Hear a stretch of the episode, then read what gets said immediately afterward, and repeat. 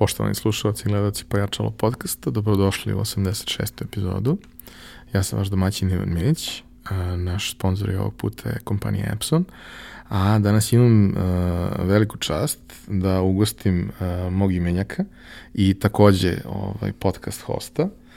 Moj današnji gost je Ivan Brgljač, a njegova sadašnja titula je programski direktor Tački povratka. Dobrodošao. Bolje te našao, tako je. Hvala ti puno na pozivu. E, kada dođemo do toga e, kojim putem si ti stigao do tačke povratka, ljudima će biti mnogo jasnije ovaj, i motivacije i sve ostalo, ali ajde da probamo ukratko u, u, u par rečenica da objasnimo šta je uopšte projekat tačka povratka. Pa, e, to je u principu jedan novi način komunikacije sa našom dijasporom i ljudima koji su potencijalni povratnici. U principu, mi pokušavamo da budemo jedna podrška, jedna platforma podrške našim ljudima koji su preko u inostranstvu, a žele neku vrstu odnosa sa Srbijom ili da se fundamentalno jednog dana vrate ili da investiraju ili da po svoje vreme doniraju ili energiju, znanje. Sve se bazira na, na razmeni informacije i znanja i u principu i ta cijela ideja se izrodila na konferenciji Talenti na okupu, gde je u principu su se okupili talenti iz inostranstva i talenti iz našeg domaćeg društva i tada su određene srpske e, dijasporske organizacije i klubovi rekli kako je potreban novi vid komunikacije sa njima i kako oni žele jednu aveniju kako je mogu da iskažu i svoje probleme i neka nerazumevanja i da traže pomoć i to se jednu godinu dana se razmišljalo koji bi to forma, format moglo da bude i došli smo do toga da je u ovom trenutku mi kao tačka povratka e, smo jedna prva eto, kontakt tačka ljudima koji se vraćaju ili hoće nek, da saznaju više informacije kako da budu u kontaktu sa e, ljudima iz Srbije, ali ne na tom privatnom nivou, nego na hoće da ulože vreme ili novac, određene projekte, a mi tu budemo da im, da im damo sve informacije i pomoći. Da, da napravite tu mm -hmm. spojnicu. Uh, jedna od stvari koja je recimo možda bila najvidljivija uh, vezano za sam projekat, a desila se relativno na početku, mm.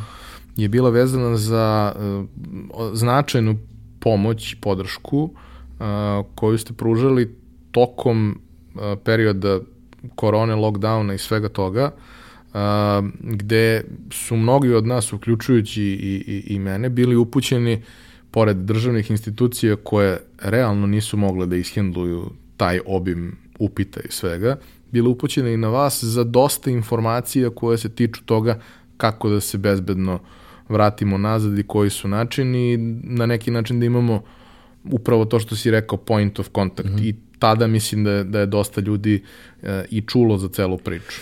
Jeste, to je bila neka svojevrsna vrsta vatrenog krštenja ovaj, e, tada je to, svi su bili u nekoj novoj ulozi, novoj poziciji, niko od nas nije e, tačno znao ni šta će raditi sutradan, kamoli kada su se zatvorile granice, eto mi smo e, dobili taj neki zadatak da i budemo pomoć Ministarstvu spoljnih poslova u prikupljenju informacija e, gde se to naši ljudi nalaze. I to je zaista sad, ne znam, mi smo gledali relativno skoro, mislim da smo u prvih 20 dana od kada smo počeli to da radimo, znači 17. marta mislim da su zatvorene bile granice, Znači, u narednih 20 dana mi smo obradili 5326 ili 27 zahteva uh, koji su nam pristigli svakojakim putem, pošto je to u početku bilo i mailom, telefonom, pa i Instagramom, LinkedInom.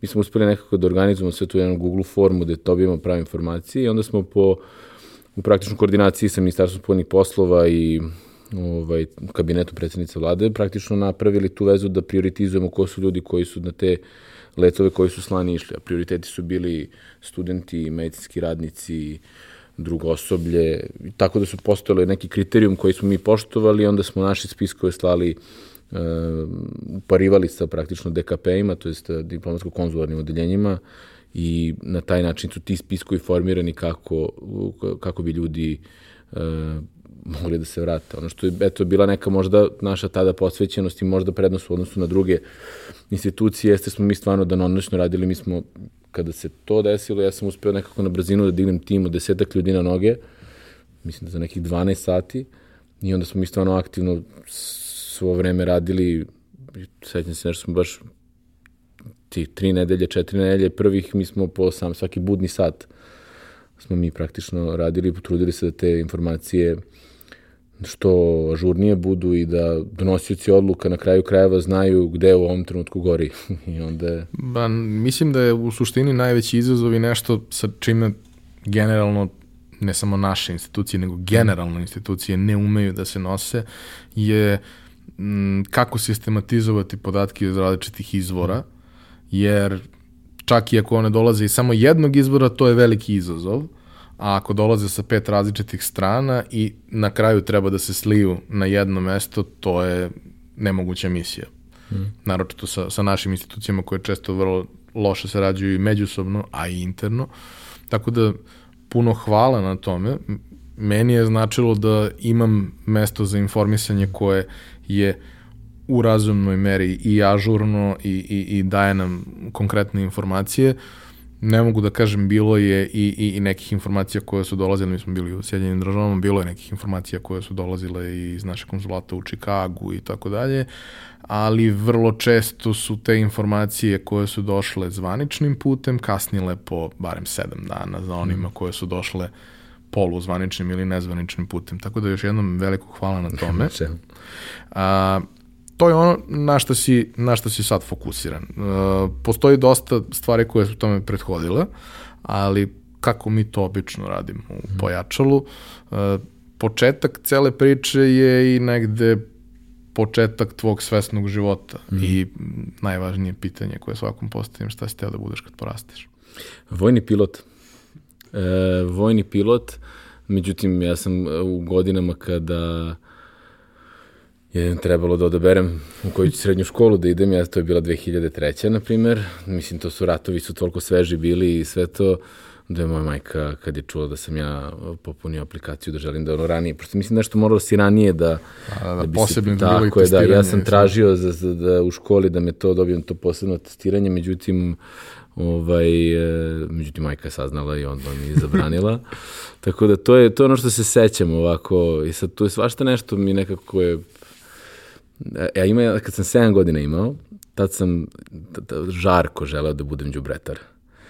Svako jutro oni su dolazili, meni je bilo prekul što se oni na tim kamiončićima voze nazad i što je njima tako dobro, tako da to mi je možda prva bila želja, ali ovako da se sećam nešto malo svesnije, bilo je, bilo je pilot. Nekako uvijek me letenje inspirisalo, ali eto, da, otišao sam u srednju školu, ja sam vrlo eto, mlado otišao iz Srbije sa 14 godina u stvari, u jedan internat u Švajcarsku i tamo sam završio srednju školu američku e, i nakon toga sam otišao na fakultet u London, nešto malo razmene u Španiji, profesionalnu karijeru sam zapravo započeo u Budimpešti.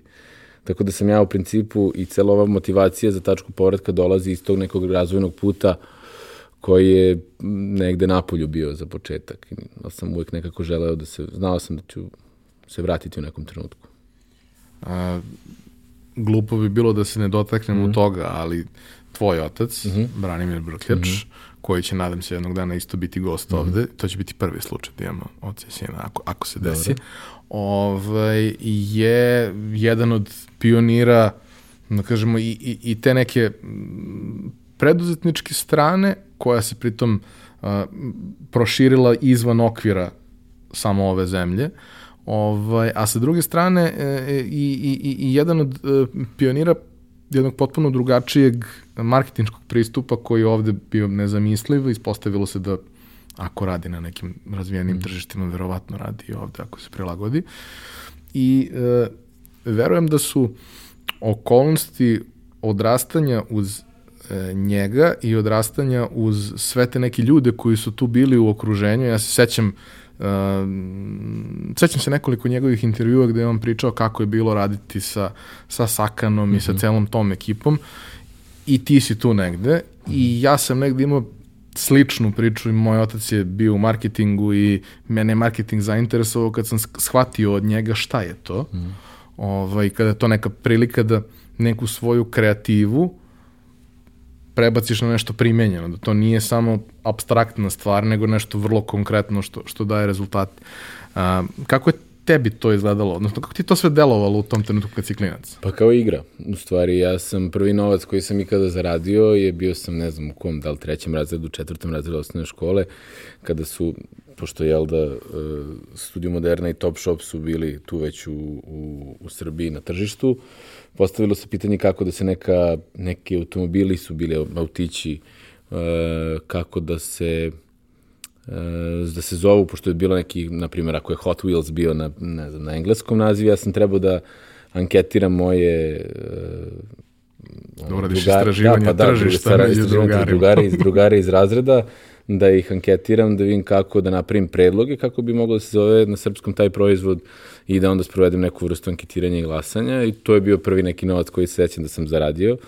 Ovaj, kao dobio sam malo veći džeparac tog meseca.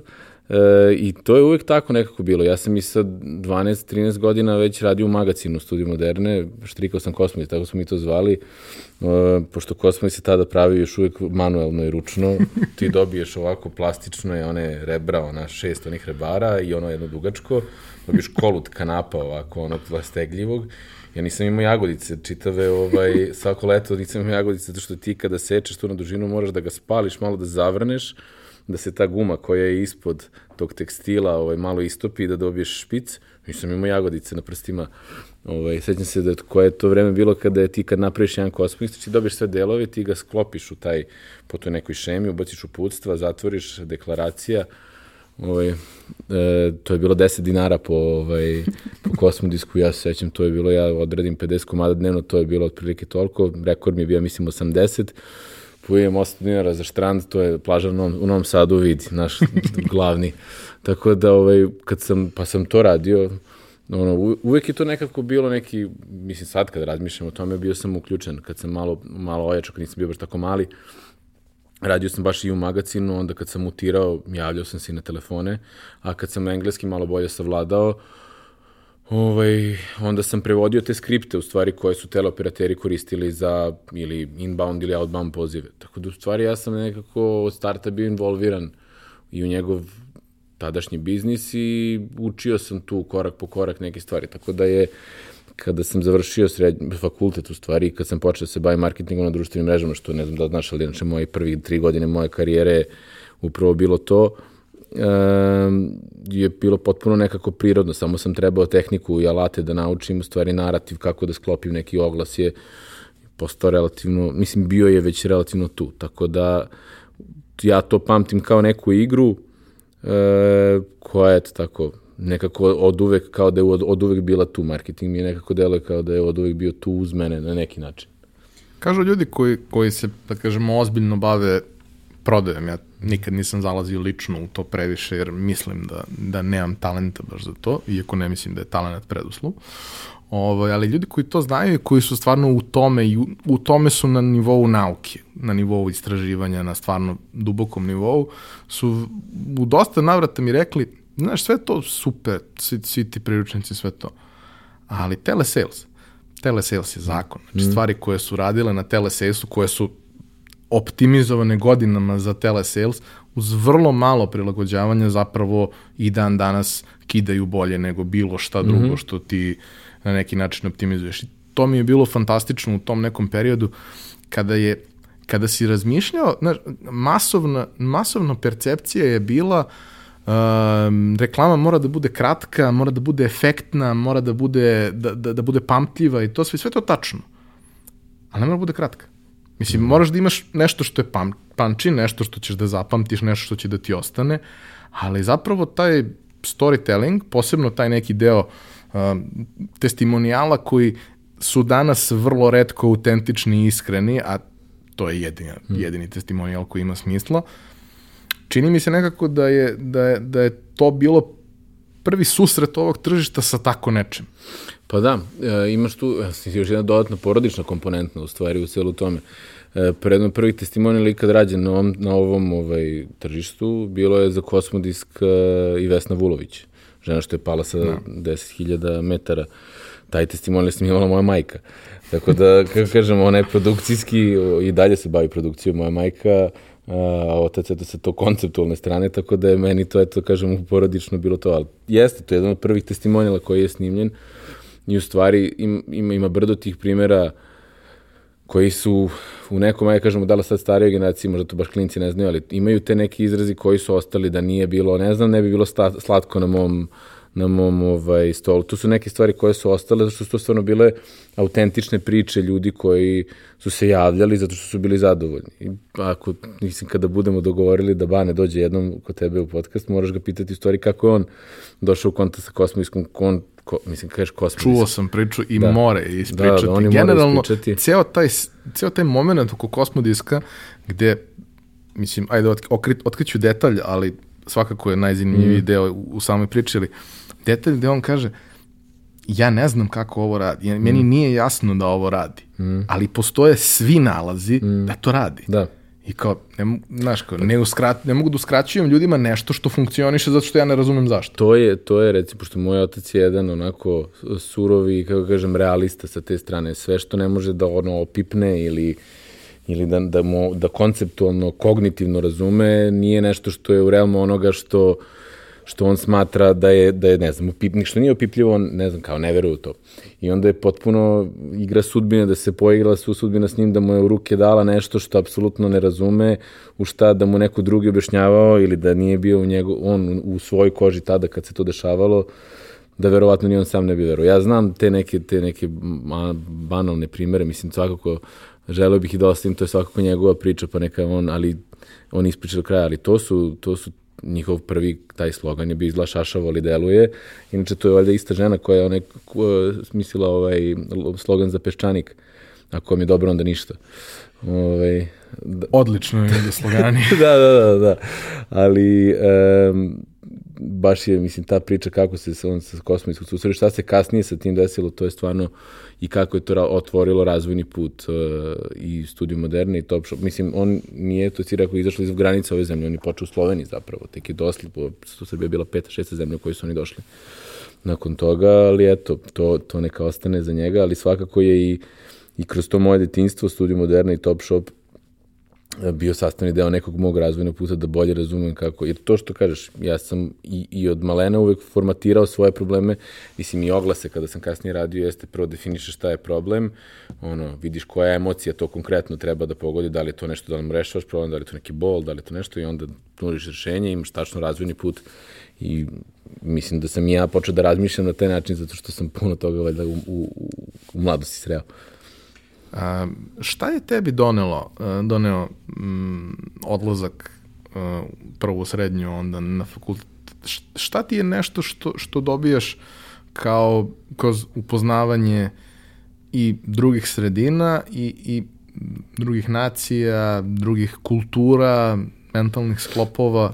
To pa, uvek naravno donese da. neku širinu, ali pa, pa, pa, na pazi, tebe konkretno? Pa pazi, o, moj, ja sam otišao znači, iz Novog Sada e, nakon osmog razreda i e, prvo sam bio u internatu u Švajcarskoj e, u kojem su u sobi koja je, na primjer, 3 sa 4, e, nas trojica smo bili, delili smo kupatile sa još jednom sobom u kojoj je bilo njih četvoro. E sad, e, zamisli iz jednog novosadske neke osnovne škole u kojoj nije baš neko velika različitost, da kažeš da vlada možda ima po koji Mađar, Slovak, Rusin, uglavnom je to nekako bilo dosta kao je, bilo dosta sličnih ljudi, sličnog nekog uh, backgrounda. Um, odjednom ja u, u, sobi sa, moji prvi cimeri su bili Wonky Oli iz, iz Južne Koreje i Stefan Jean-Pierre iz Teksasa koji je bio crn, mislim, tamnoput. Um, kupatilo smo delili sa uh, jedno malo kupatilce, bukvalno u nekoj zgradi koja je imala 400 godina, fazon, ali to baš nisu neki uslovi, vrlo asketski, učiš okolo u Švajcarskoj, ali zapravo nije uopšte, pošto pazi, u taj jednu sobičak treba stane tri kreveta, tri stola i tri ormara. I kupatilo smo delili sa e, Japancem, Tajvancem, Koreancem i Nigericem, ali evo, kako se tu stvari onda nekako krenu da ti se otvaraju, kaže šta je to uticano tebe. Sam iz jedne dosta ono, homogene sredine, ti odeš u jednu tako heterogenu sredinu u kome su svi onako došli sa različitog e, kraja sveta, recimo Ahmedovi roditelji, to jest oni u tom trenutku kad smo mi počinjavali školu, otac mu je bio potpredsednik Nigerije, e, imao je 33 braći i sestara on na početku naše školovanja, 37 kad, su završili, kad smo završili. E, najstariji brat mu ima 45 godina, bio desna ruka Ćaletu, a najmlađa, mislim, najmlađa sestra ili, ili, ili brat su mu bili bukvalno novorođenčad. I imao je četiri bivše, e, čet, jednu bivšu ženu i četiri sadašnje. Znači, potpuno neka promena sredine, razumevanja kako može da, pa onda ne znam, kad upoznaš nekog ko je iz Indije, pa ti oni imaju, roditelji imaju ugovoren brak. Pa ono, ovaj, znaš, ovde, ovde neka vrsta poligamije, ovde ugovoreni brakovi, ti shvataš da u stvari postoje druge matrice koje se negde paralelno razvijaju. Ali meni je bilo užasno teško zapravo u srednjoj školi, jer sam se ja jako loše prilagodio u prvim godinama. Nisam znao, mislim, um, napravio sam jednu ključnu grešku u stvari.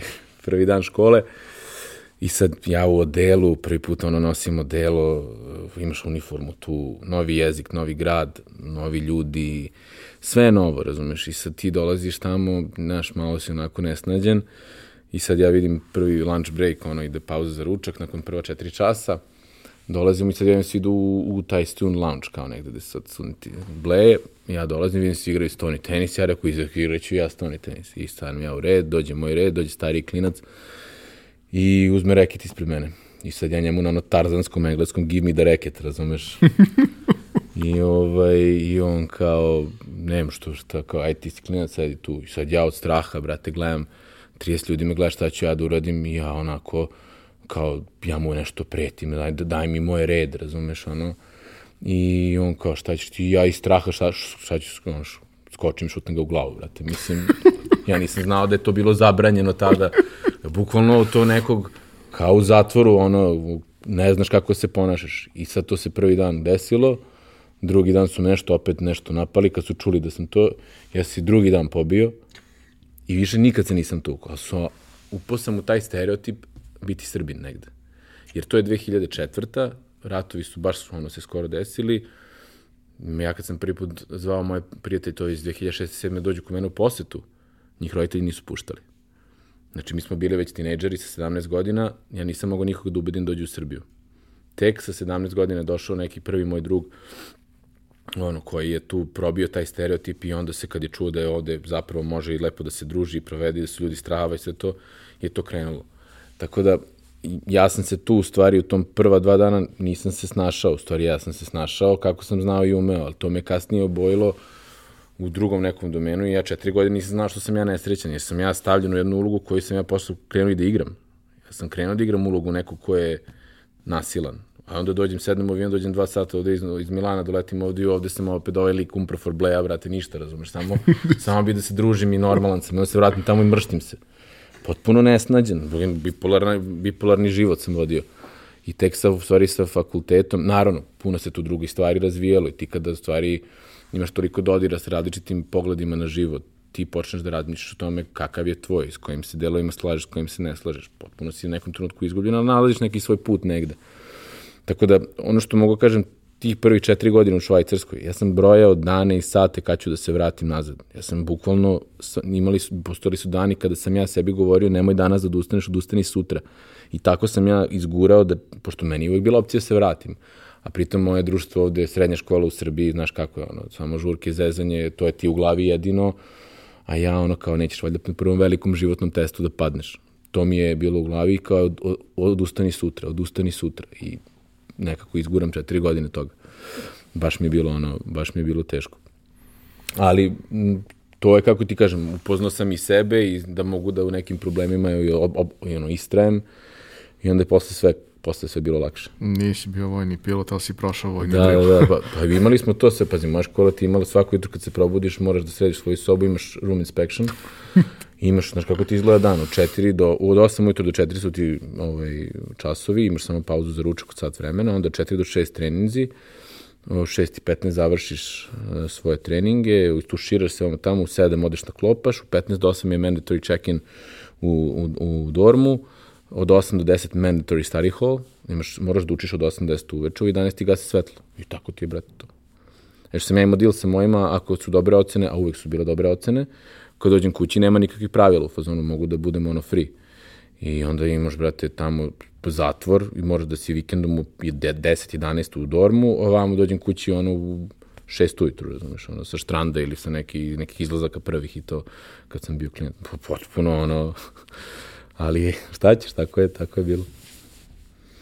Da li je bilo nešto što te je povuklo, kako je uopšte izgledalo to što ste učili?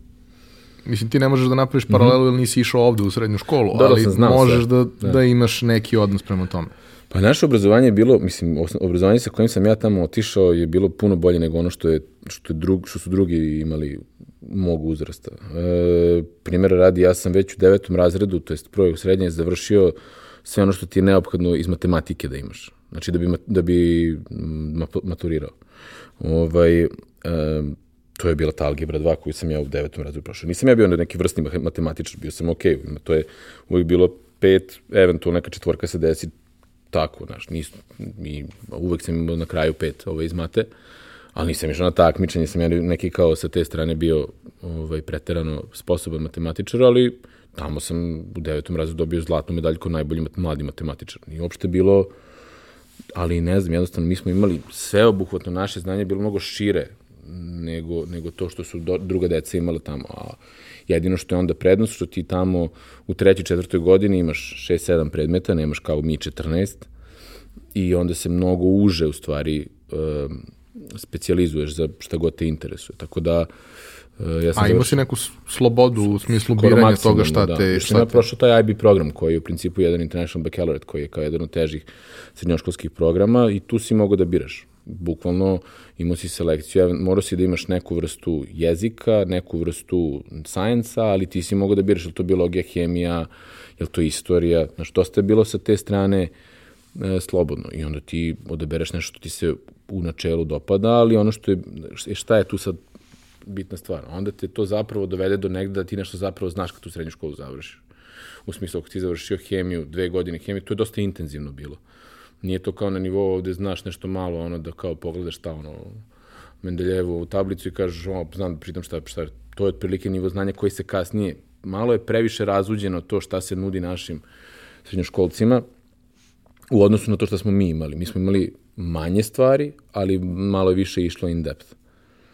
I u kom trenutku si skapirao šta želiš da ti bude za naredni korak? Nisam, zato sam ja odabrao fakultet koji sam odabrao. U stvari ja sada kada pogledam unazad, verovatno bi drugačije birao, zato sam ja u stvari samo odabrao produženu verziju srednje škole. Moj fakultet je ono, EBS London koji je bio uh, praktično produžena srednja škola i to je bilo moja diploma. Ja sad imam diplomu iz International Business and Law, pošto oni imaju, in business law u stvari, pošto oni imaju uh, major i minor. I to je bukvalno internacionalni biznis ti je kao samo produžena srednja škola, a to je zašto ja stvarno nisam znao šta ću, šta bih dalje. Razlog što sam odabrao moj fakultet, zato što mi je, uh, on, on me terao da godinu dana provedem van, van Londona, uh, učeći ekonomiju uglavnom ili nešto vezano za biznis na jeziku koji odaberem. Onda sam se ja ovaj, malo prešao, pa sam odabrao španski, jer sam italijanski već govorio i misleći da će mi španski biti kao prirodan, kao da ću lako da pređem sa italijanskog na, na španski. Naravno da sam se ja sam prešao, ovaj, zato što sam u jednom trenutku, go, ne, nisam govorio ni jedan ni drugi, nego mešavinu oba jezika. Trebalo je vremena da se to iskristališe, e, tako da sam ja onda nakon godinu i po dana u Londonu proveo godinu dana u Španiji malo Madrid i Valencija, gde, bi, gde sam na španskom učio bukvalno makroekonomiji, sediš, vrate, kao tele u šare na vrata, ništa ti nije jasno prvih mesec dana, ali na kraju se tako najbrže naučiš ubedljivo. Jezik. Jezik, da. A i na kraju krajeva gradivo, kada se fokusiraš na to što zapravo slušaš, to je onda... Tako sam ja odabrao moj fakultet, pre svega zbog toga što sam želeo još dodatno iskustvo u smislu, jer sam se, znajući sebe, bojao da neću biti dovoljno disciplinovan da kada jednom odem na fakultet, da zapravo se odlučim na, na, na, da odem na razmenu, nego sam morao u startu sebe da primoram da to uradim, da bih to zapravo završio i uradio. Sistemski si to rešio. Pa da, malo sam hakovao sam sebe, tako da i ništa nakon toga, ovaj, prije sam još i malu pauzu, ja zapravo u sred studiranja šest meseci sam počeo da radim u Budimpešti i to mi je prvi pravi posao i bio je u marketingu baš, tako da bio sam ono, radio sam u, ovaj, u marketing timu u jednoj kompaniji koja isto bila ono, korporativno, tako da tu, sam, tu su prvi pravi ono neki poslovi, da kažem. A odlazak iz, iz Švajcarske i tog nekog prilično m, zatvorenog okruženja mm -hmm. u kom si bio, gde se jesi možda ono, naviko na multikulturalnost i shvatio zapravo kako širi neki kontekst funkcioniš u celom svetu, da nisu baš svi isto nasađeni, da ne mora mm -hmm. sve da se radi isključivo na jedan način. A, šta ti je doneo London? Mislim, mm -hmm. evo moj utisak prvi da. put kad sam otišao u London, ja sam imao tu sreću da odem u London prvi put uh, tokom olimpijskih igara, mm -hmm. što je verovatno onako najspektakularniji način da vidiš London. Da. Ovaj, I kao, moj utisak, uh, jako mi se dopao grad iz razloga što prvo nije bilo prevroće, mm -hmm. iako je bio avgust, nije bilo prevroće, nije bilo ni prehladno, nije bilo kiše, samo je bilo mm neko tmurno vreme koje je meni bilo super, ali taj moment da kao konačno hodaš, ne, ok, imaš to i u Americi, ali hodaš gradom i razumeš ljude. Mm -hmm. Meni je to bilo jako, jako, jako značajno i imao sam taj neki uh, osjećaj na svim, u svim parkovima, svim trgovima, svim nekim malo većim, otvorenim, gde možeš zapravo da pogledaš oko sebe šta se dešava, ovaj, imao sam taj neki osjećaj da sam došao u imperiju.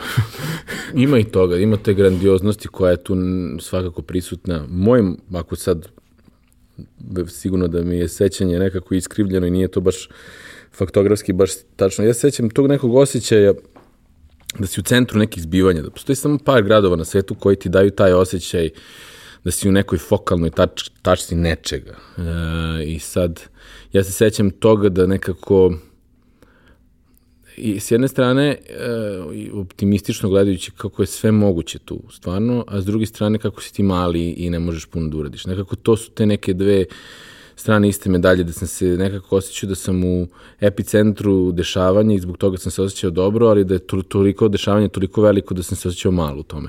To su neka moja prva sećanja na, za, na, na zapravo ono neko studiranje u Londonu, da je da su kao ono endless possibilities, stvarno, ono mi je bilo kao u glavi, ali opet nekako to je toliko veliko uh, da je bilo nekako teško navigirati tome u početku, posle nekako shvatiš to i kao svoj grad i kao neku, ja sada kad pomislim na London, naravno, on, to je preveli grad da bi to ceo grad bio nekako, da bi se lako identifikovao sa, cel, sa celim gradom, ali sa tim nekim delovima gde sam živeo i provodio vreme, to je nekako sada, meni je to dođe isto kao Novi Sad perceptivno, kao moj rodni grad, u tim nekim elementima.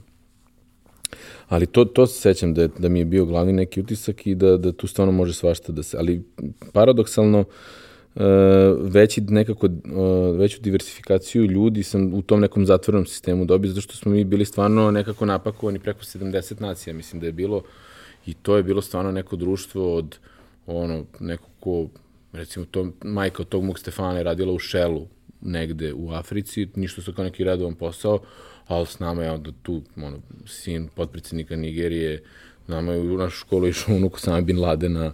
Posle Mourinho, ovaj, Mourinhova deca, kad je Mourinho bio Interu, su išlo u moju, u moju školu i pa on svaki dan dolazio po njih. Tako da nekako, stvarno bilo onako nekako miks svega i tu, tu stvarno sam naučio dosta. Ali London mi je dao neki, taj neki osjećaj perspektive, per, per, mislim, konteksta i perspektive šta sve može i kako to sve izgleda. Ne, to je ono što nekako pamtim. Iz tih nekih studentskih dana. Ali nikad nisam, recimo, bio mi je strava dok sam bio tamo. Recimo, u poređenju sa švaj, Švajcarskom, gde sam stvarno onom lično propatio, ovde mi je bilo strava, ovaj, nostalgije je bilo, ali kako kažem, u nekoj redovnim dozama, e, i onako, baš sam se osjećao kao da tamo živim i pripadam u tom trenutku, ali nikad nisam žela da ostanem da živim, pogotovo ne u Londonu.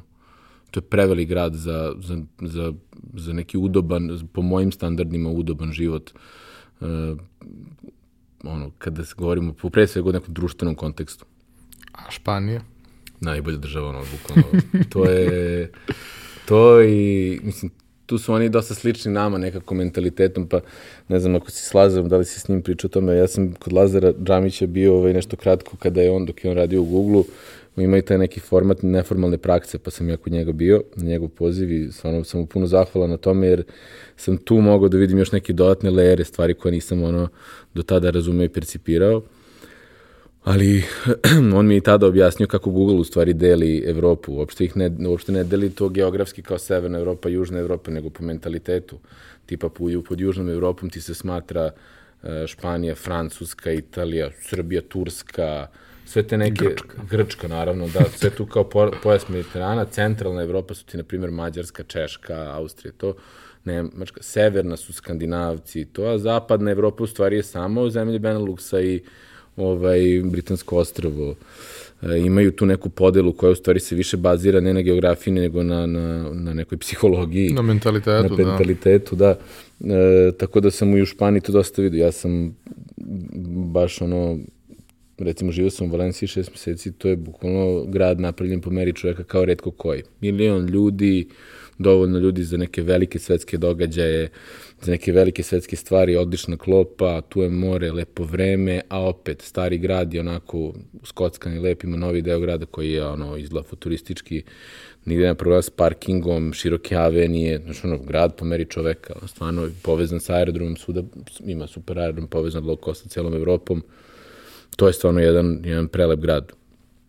Ima, mislim i Madrid isto ima svoje, svoje neke baš lepe ono neke uglove i ćoškove, ali Valencija mi je ostala kao jedna od tih nekih džepova. Mm, nisam bio, imam u planu, bio sam u Barceloni mm. i to je bio, nisam stekao utisak da bih volao da živim tamo iz razloga što ne razumem jezik i mm. verujem da mi ne bi bilo lako da se adaptiram na taj jezik, jer mi nikad nije bilo lako da se adaptiram ni na francuski, ni, mm. ni na italijanski, pa mislim da bi mi ovo bilo problem. Ali sam bio osam dana sa, sa prijateljima i meni je ostavio utisak kao najlepši grad na svetu. Mm -hmm. I, znaš, to, to je grad, ima ta scena, mislim da sam je već pominjao u podcastu, ali ima ta scena da sam ja nešto povredio nogu, nisam baš bio najpokretniji na svetu, mogao sam to nešto sitno, ali neke duže relacije sam pauzirao i zadnji dan, ovaj, pre nego što ćemo otići na Barcelonetu, mm -hmm. šetamo se Barcelonom i sad hoće društvo da ide da obiđe još neke stvari, ja kažem ljudi, ja stvarno ne mogu, znači treba da vozim nakon toga, neću biti okej, okay. ostavite mi mene u parku ispred Sagrada familije, pa me pokupite posle. Mm. Ja sedim u parku, otvorio laptop, čukam, ima nekog interneta, verovatno od nekog McDonald'sa, ono, u okolini ili tako nešto.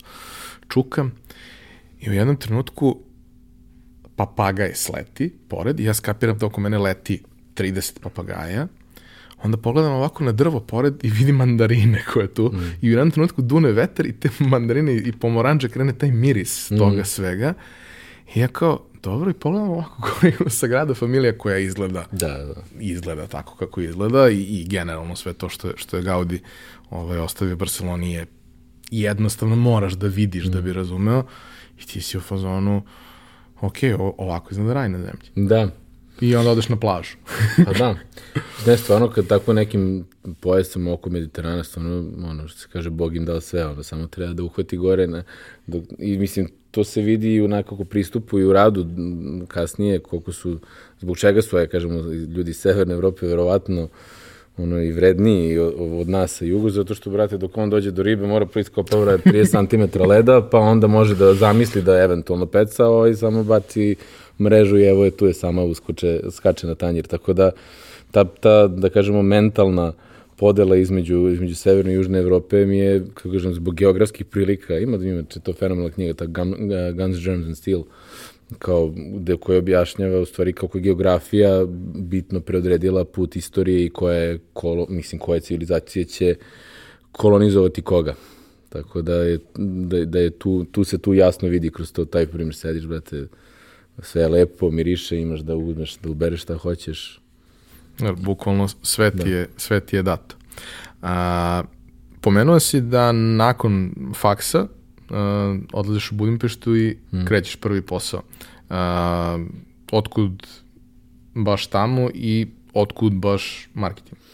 Pa nekako baš marketing je bilo zato što eto kao imao sam nekog iskustva, otvorila se prilika tu jedan regionalni centar bio za stvaranje sadržaja ovaj, za nekoliko brendova i tu sam nekako dobio priliku, tu je bila deo, deo te firme bio i naslonjeni na studiju Modernu u nekom trenutku, tako da je taj neki ulaz bio eto takav i prvi šef mi je bio Branko Blečić eh, koji je on, tamo bio naš čovek koji je radio za između ostalog za studiju Modernu. Tako da eh, to je bio neki taj ulaz eh, i ali eto, tu, tu, tu, tu, tu je ti šest meseci neke prakse rada na, baš na mađarskom tržištu iako jezik ne znam i ne razumem i jednostavno bila internacionalna kompanija, tako da sam ovaj, mogu da, da, da funkcionišem i mi je dao kasnije neki osnov, jer to je stvarno bilo onako kao neka produžena praksa koja je imala nekog smisla. Mi smo tada pokrenuli neki stvarno, za to vreme, to je 2010. 11 mi smo već jednom uh, cooking brandu predlagali da imaju i svoj YouTube kanal i YouTube show i kako da primene to na druga tržišta, tako da sam već tada ovaj, se počeo baviti praktično internet marketingom. To je krenulo baš tako kao, aha, ti nešto znaš u marketingu, vidimo to, a ti si, prosto si mlad, si sigurno znaš nešto u internetu, a pritom ja ne znam ništa od preterano, jer kao korisnik bilo ko, koje redovne platforme nisam nikad imao neko preteranog ili programerskog ili neko drugo iskustva. Ti si, ali ono, pretpostavka starijih je bilo ti sigurno znaš internet, ti si klinac, evo ti, ti radi internet ovaj, marketing i tako u stvari krenem prvo moje opredeljenje za to. Kad sam završio fakultet, vratio sam se u Srbiju i tad sam u stvari onda ponovo otišao ovaj, kako se zove, u studiju modernu u kojem otac već uveliko nije bio i počeo da radim na razvoju ovaj, ono, nekih kanala na društvenim mrežama i ne znam, tu su bili stvarno neki super rezultati, stvarno smo nešto lepo postigli za tih prvih dve, tri godine mojeg profesionalne karijere kao neko ko se bavio marketingom na društvenim mrežama.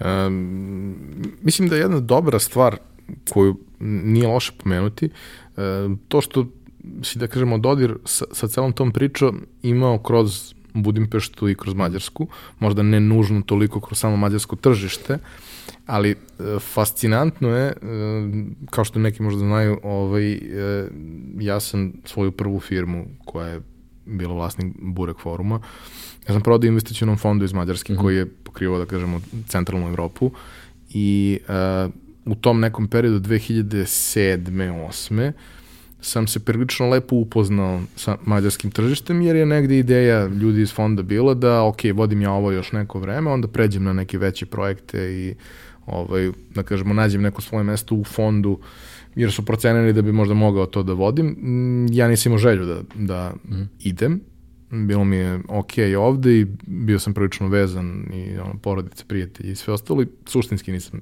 nisam imao neku naročitu želju da idem, ali sam jako želeo da upoznam tržište, jer mi je bilo fascinantno, znaš, kao ti možeš da upoznaš tržište UK-a mm. ili Nemački, ali ne možeš da se ni na koji način identifikuješ sa takvim tržištem koje je hiljadu puta veće od tvog. Mm. I sve je neuporedivo uh, skuplje, sve je neuporedivo, budžeti su neuporedivo veći, mogućnosti su neograničene, ali onda pogledaš u paraleli tržište Mađarske, koji je isti broj ljudi, suštinski odma je tu pored. Mm. Nije sad nekakvo state of the art tržište u Evropi, ali u trenutku kada mi krećemo u tu priču, tržište digitalnog oglašavanja u Srbiji vredi 7,5 miliona eura, u Mađarskoj 75. Mm. I stvari koje su oni radili, a, što lokalno, a što firme iz Mađarske koje su već nastupale i regionalno i šire od toga, je bilo prosto neverovatno. Meni je mnogo značilo jer mi je pokazalo da je to moguće, mm. jer kao Znaš, super je kad ti vidiš primer iz uh, neke razvijene zemlje da je neko napravio nešto, ali ne možeš da se da, identifikuješ sa tim. Da. Ali sa ovim možeš, jer ko, to je tu i nisu oni ništa toliko bolji i ti misliš da su oni mnogo bolji, onda dođeš među njih i shvatiš da si ti sasvim da. okej, okay, samo da prosto ono, trebaš još Kontekst neke stvari da... Bio, da. Ne, dovoljno je blizu, ali hoću da kažem, i već tada su oni radili neke, neke fantastične stvari. U nekim stvarima su možda i zaostajali zato što, ne znam, imali su lokalnu društvenu mrežu koja je bila veoma jaka, pa je tek malo kasnije Facebook doživeo ono što, što je već kod nas imao, ali se to desilo. I kad se to desilo, oni su mnogo brže odreagovali na to sve nego što su ovde brendovi reagovali. Ovde su brendovi ušli u tu priču najčešće tako što su morali jer im je došlo sa, ono, iz da. centrale da treba da se bavi time. Tako da mislim da možda super što ti je to bila ulazna tačka. Jeste, Budimpešta je bila dobra ulazna tačka i zbog toga što je stvarno to bio regionalni centar za mnoge kompanije, pošto za tržište poput Balkana, tada još uvijek Srbija i ostatak Balkana smatram relativno nestabilnim i to od 2000. te 2000. koja, druga, treća, četvrta i tu tek tek sada u ovim vremenima mi vidimo tu neku migraciju da se neke velike predstavništva otvaraju pre ovde nego u, u, u Budimpešti, što dugo, dugo nije bilo tako. Tako da u tom trenutku kad sam ja već tamo 2010. 11. bio u Pešti, e, to je stvarno bilo apsolutno sa te neke ono, poslovne strane najrazvijen, najrazvijeniji centar u ovom u ovom delu Evrope, tako da je to bilo stvarno, a opet bio sam blizu kući, što zbog toga emotivnog dela mogu sam da putujem relativno, ovaj, relativno često, a, a dobio sam priliku da učestvujem i na evropskom tržištu i da nekako razumem taj kontekst drugačije malo, tako da mislim da tu se svakako slažemo i mislim da je tu Mađarska dobar primer jer jeste Budimpešta i slične veličine kao Beograd, e, mentalitet je malo drugačiji, ali opet dovoljno blizak da, da možeš da potpuno razumeš ono sve. Jedino taj jezik. Jezik je ludilo. Sećam se tog primjera. E, skoro sam imao diskusiju sa drugaricom koja je studirala jezike, pa naravno zna mnogo bolje od mene, ali mm. se sećam da sam se ja takmičio iz, iz uh, srpskog i to sve. I sećam se toga kao kad deliš jezike po grupama, mm. romanski, germanski i tako dalje. I kao, postoji ugro-finska grupa jezika u kojoj su mađarski i finski. I one su u toj grupi zato što nemaju sličnost ni sa jednim drugim jezikom, da. ali isto tako nemaju sličnosti ni međusobno. Da, da, da. Pa kao, pa što su u grupi? Pa kao... Eto. Da se ne zove ostali. Dobro. I sećam se, znači, za, za ono 4-5 godina koliko smo mi vrlo intenzivno radili. Imao sam sreću da su svi, sve moje kolege su fantastično govorili engleski, neki od njih sa izuzetno izraženim mađarskim mhm. akcentom, što je jako ovako zabavno.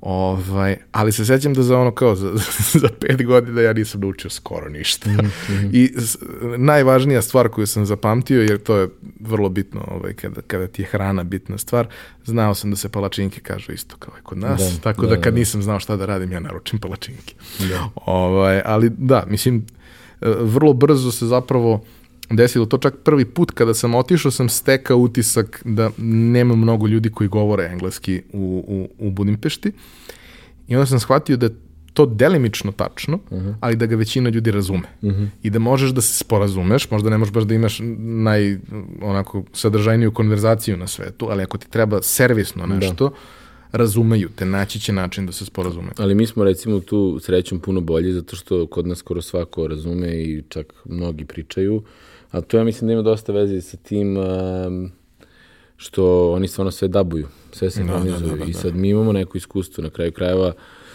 Uh, meni je bilo relativno lako italijanski, španski da savlatam u početku, jer sam moja baba gledala pun ti španski serije, ja kao dete sunđer sam upio brdo tih stvari. Naravno da se to negde kasnije pomoglo u strukturiranju svega toga.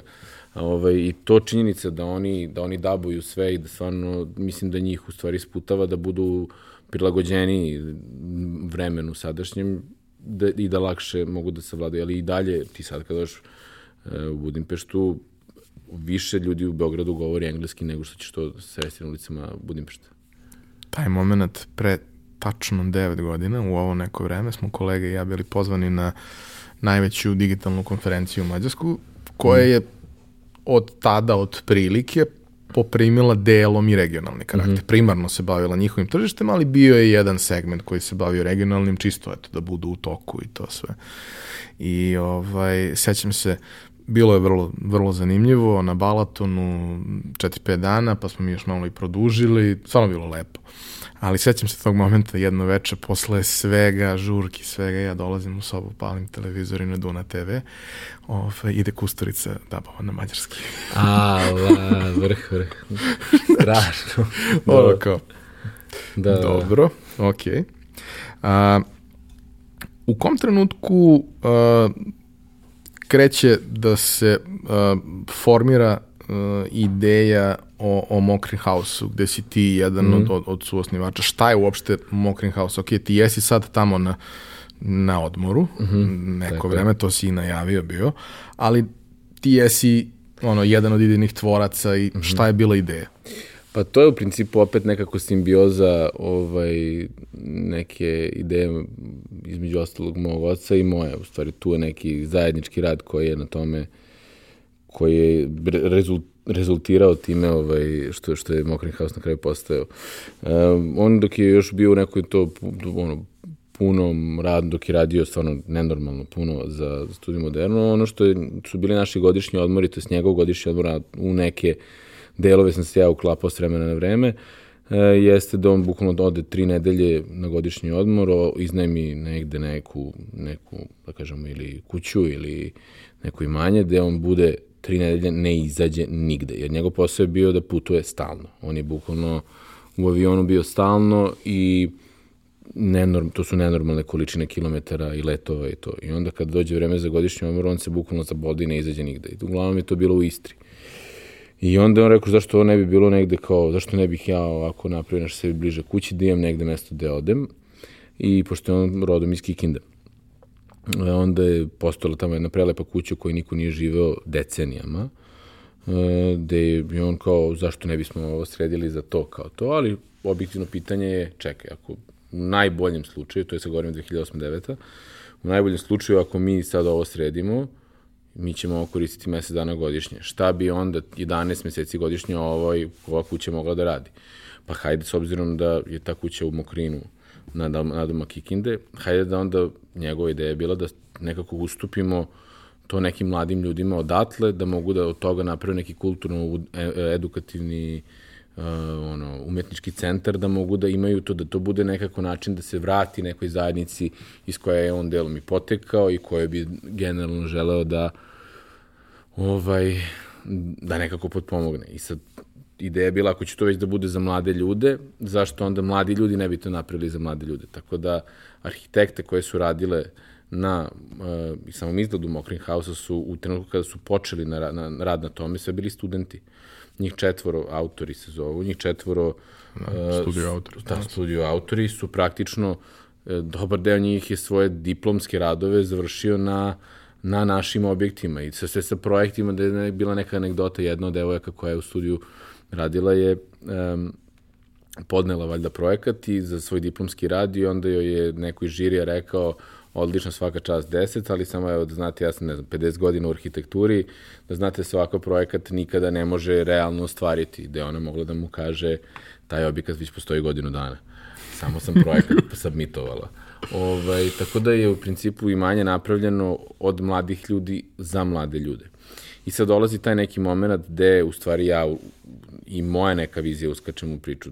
Mi smo često govorili o tome da tu bi mogli da dolaze ljudi iz celog sveta, da Mokrin ne treba da bude mesto koje je na, namenjeno, sam, mislim Mokrin House ne mora da bude mesto namenjeno samo za Mokrinčane, Kikinđane i ljude iz te severno-banatske regije, nego da to treba da bude mesto gde ljudi iz celog sveta mogu da dolaze, a onda se postoje pitalo kako ćemo to da uradimo. E, tu sam nekako ja sa svojom nekom idejom i voljom za realizaciju zapravo uskočio. Uh, gde, gde smo napravili koncept da bi to moglo da bude baš to, prvo to se zvala Terapanonika, pa sad dobilo i brand Mokrin House, koji sada je namenjen za digitalne nomade i korporativne neke retreatove i team building i tako to. I tu negde 2016. maja 2016. mi u stvari podižemo novi sajt, to pod nekim, ja kažemo, mojim vodstvom, postavljamo neke, ovaj, neke nove ideje i već prvog gosta imamo juna 2016. godine, gde je bila jedna, ono, e, prvi digitalni nomad, devojka iz e, Slovačke koja je došla ovaj, kod nas da, da radi. I tu je onda posle toga nekoliko hiljada ljudi ono, prošlo kroz, i to najrazličitijih karaktera. To je meni bilo u stvari ovaj, jer tu sad u mom karijeru na tom putu postoji ta, ja sam dao otkaz u studiju moderni zato što nisam više, osjećao sam da više ne učim. I imao sam jedan mali projekat koji se zvao Arbo Bracelet, koji je za svaku kupljenu narukvicu mi smo zasadili po jedno drvo, to je bio neki mali startup, čak i to je lepo išlo, moja ideja je bila da nekom trenutku napravimo ceo modin brand koji bi za svaku prodatu ono, tkaninu, da li to duks, da li to pantalone, određena količina ovaj, drveće se zasadi, ne, 2000 drveća smo zasadili otprilike, nije to ni neki, mislim nije neki broj, nije ni malo za te neke prve neke korake. Međutim, partner tadašnji s kojim sam radio, to je se vratio, mislim, je išao na pravosnik. Nakon toga ja sam krenuo da radim, krenuo da radim ovaj, um, za Mokrin House. E, pa smo se tu, ovaj, tu je on nekako stao taj projekat, ali kako uvek nekako ostao u nekom zapičku da ga potencijalno nekada oživimo. I, um, i tu kreće ta u stvari priča uh, da, da, cen, da Mokrin može da bude, da iskoristimo tu izolovanost koja ona ima, jer ona je vrlo specifična lokaciji, kroz Mokrin ne može da se prođe u principu. Jer imaš s jedne strane kulu, o, bože kulu, i ovaj čoku, s druge strane imaš Kikindu. I ti u čoku i Kikindu možeš da dođeš drugim putem od nekuda brže nego što ćeš da stigneš uh, preko Mokrina. Tako da je to ovaj, jedno, jedno smo mi odlučili da tu izolovanost iskoristimo kao prednost. Nama se često govori, e, da ste malo bliže Beogradu, ste bili, ne, super, jer mi nikada za ovih par godina koliko radimo sa digitalnim nomadima ili sa generalno ljudima, nismo imali nekih problema, zato što ljudi koji tu dođu stvarno kapiraju šta je logika i šta je misija i da mi u stvari imali smo tri, neka, imamo tri glavna stuba, a to je rad sa digitalnim nomadima, neki kako team buildingzi i rad u lokalnoj zajednici. Mi smo svaki svake godine imali negde između 100 i 150 događaja za lokalnu zajednicu, da časovi plesa, da li su to radionice programiranja, fotokampovi, pisački kampovi, brdo nekih stvari, da upravo ispunimo tu misiju da budemo kulturno-umetničko-edukativni centar tog sela, a da onda nekako taj, da kažemo, revenue stream dolazi sa drugih strana, a to su digitalni nomadi i, i kao, kažem, team buildingzi. Mislim da taj moment kad uh, praviš nešto sa nekim konkretnim ciljem i mm, ne želiš da to bude usput, mm. nego želiš da neko dođe ciljano tu. Znači, nije nešto da će neko da svrati, nego ako hoće da dođe, on će da se Tako posveti je. tome da stvarno se zaputi. Nije to toliko daleko, ali je dovoljno daleko ti nije usput. I zapravo je sa te strane ima neki sweet spot, zato što je tri aerodroma su blizu, Budimpešte na dva i po sata, ako nema guže na granici, Beograd na dva, a Temišvar na sat i po, sat, sat i manje ako brže prođeš granicu. Ovaj, tako da tu je stvarno nekako tri velika aerodroma, tri, tri, tri, tri potpuno različita grada u tri, uh, te druge države, ima neku tu, ako ti stvarno hoćeš da odeš negde, možeš i to relativno brzo, ili ako negde hoćeš da odeš iz tih mesta u Mokrin, ima smisla. Ali da na pola sata bilo bi oni koji svrate. I onda se potpuno naruši energija ta. Jer ti kad si tamo, ti si tamo i svi dođu na dan, dva, pet. Imali smo devojku koja je ostala šest meseci. O, I to je devojka iz Mongolije. Pričali smo nešto pre podcasta dropshippingu, o dropshippingu, dropshippingom se bavila i bila kod nas šest meseci. ovaj, tako da tu najrazličiti ljudi su dolazili, meni je to bilo fascinantno, kažem, na tom kad sam ja dao otkaz iz studija moderne, ja nisam baš imao neki plan B, nego više onako snaći ću se, jel? Ovaj, I onda nekako u tom trenutku, sad ti pogledaj iz, iz moje vizure i iz vizure nekih drugih ljudi kad su čuli da ja idem u neko selo da tamo nešto radim. I sad tu, ono, ima tu anegdota, Ćale, to je prijatelj jedan, ovaj, koji je rekao njemu, daj bre mladi da završi to u selu. Znaš, kao da mi je kraj, razumeš, kao da imam 20, u tom trenutku 25-6 godina, kao da završi u selu. Nek dođe kod mene da volontira. To mi je bilo, sad se i uvredilo čak malo. Ja tri godine radnog iskustva ne treba nek da volontiram. Ovaj, ali e, taj moment kada sam shvatio da su nam bili ono ljudi koji se bave najrazličitim stvari od nekih od baš prvih globalno prvih investitora u kriptovalute, da koji su bili stvarno ono preozbiljni ljudi, dizajneri koji su radili za Airbnb, ono UX dizajneri iz celog sveta, čovjek koji se bavio svemirskim pravom. Znaš, ono nekako ta lepeza ljudi koja je po taj naš orah sela, razumeš, i sa nama razgovarala o životu, o problemima, o, o tome, to, to ništa nije moglo da zameni, taj ljudski kontakt. Ja si dalje sa dobrim delom tih ljudi čujem i, i to su sada neki ono poznanici širom sveta koje sam upoznao u jednom malom mestu vojvođanskom ispod jednog oraha. Znaš, to su nekako neverovatne priče.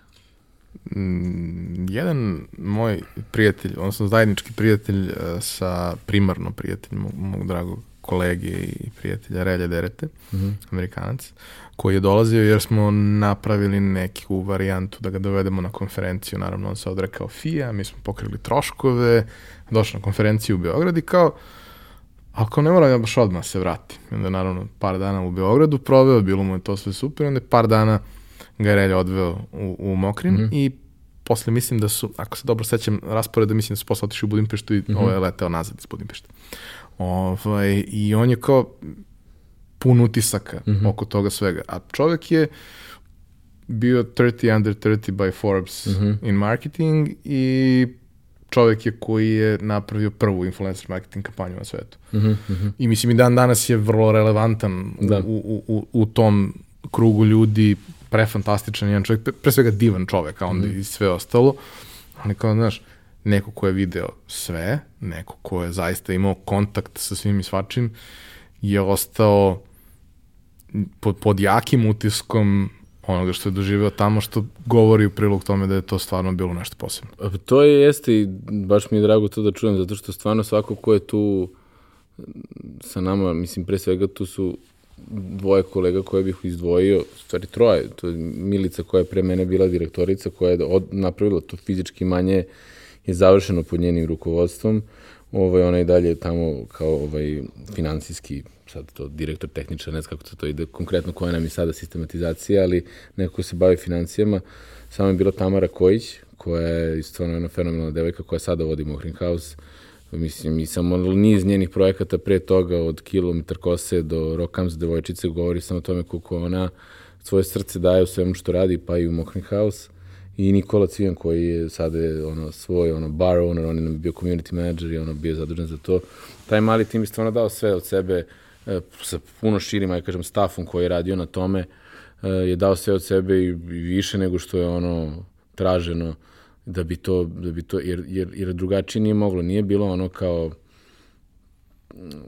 nije bilo straight, ono, kao sad, kako, kako ti, sad evo, da, i da ista ta infrastruktura postoji u nekom drugom selu, ne znam, gde god, kako ti te ljude da uopšte, ono, motivišeš da dođu, da uopšte shvate, da, da, da žele da, da uopšte da rizikuju, da probaju. Kasnije, kada su neki prvi ljudi došli, pa ostavili neke ono i utiske i to se negde pročulo, onda je to već im bilo puno, puno lakše. Ali kako u početku bilo stvarno, stvarno smo se oko svakoga, oko svakoga i svačega trudili da to bude na nek, nekako drugačije. Tako da, da to baš mi je drago da to može da je ostavilo traga i, i na tog reljinog i tvog prijatelja.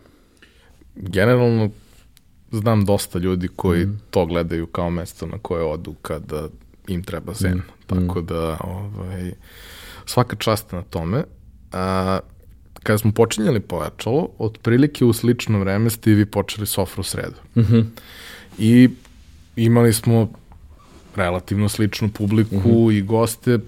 Ne bih rekao da smo se preklapali, ali bih rekao da smo bili vrlo komplementarni mm -hmm. sa svim tim. Takođe smo i mi ovaj, išli u terminu sredom, do, dok nismo mm -hmm. prebacili sad na nedelju nedavno.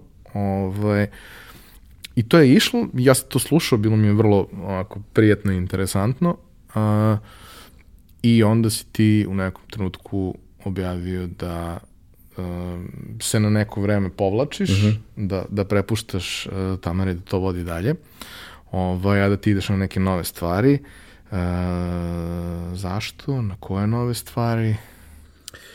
Pa, viš, to je ovaj... Um Sofra sredom je počela u stvari kao ideja da mi smo svakog leta imali bioskopski, otvoreni bioskop, leto otvoreno bioskop smo ga zvali i to je bilo u stvari, shvatili smo da donosi jako veliku dodatnu vrednost lokalnim meštanima koji su dolazili tu.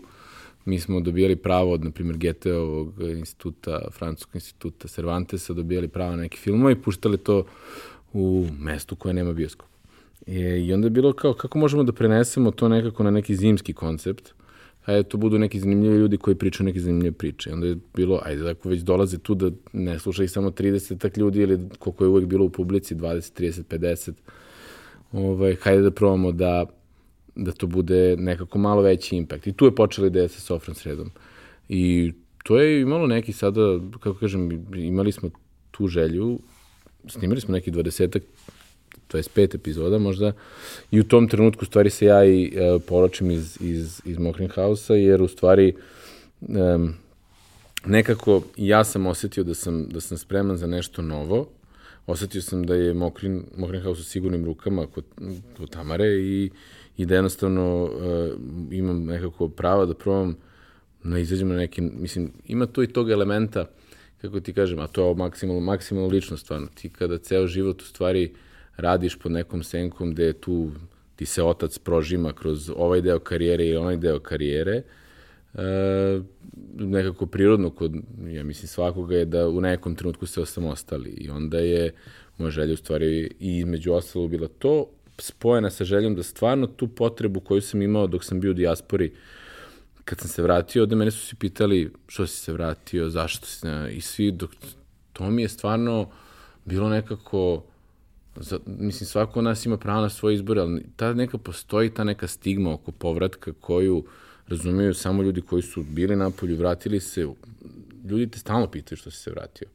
I niko, niko ti ne veruje kad kaže ti zapravo imaš ono želju za nekim stvarima koje, ko, koje su ovde i nekako moja želja da se to malo barem promeni ili da ja utičem na to da ono promenim percepciju oko toga je jedno od, kao kažem, glavni pokretača bila da u ovu priču vezano sa dijasporom uđemo ovako. Tako da, e, to zapravo, e, to se dešava, na primjer, u avgustu 2019. E, ja dobijam poziv od od jedne devojke koja radi u kabinetu predsjednice vlade, gde mi objašnjava da su te neki srpski, srpski dijasporski klubovi iznali inicijativu da žele da se napravi organizacija koja, a da kabinet predsjednice vlade treba taj proces da potpomogne.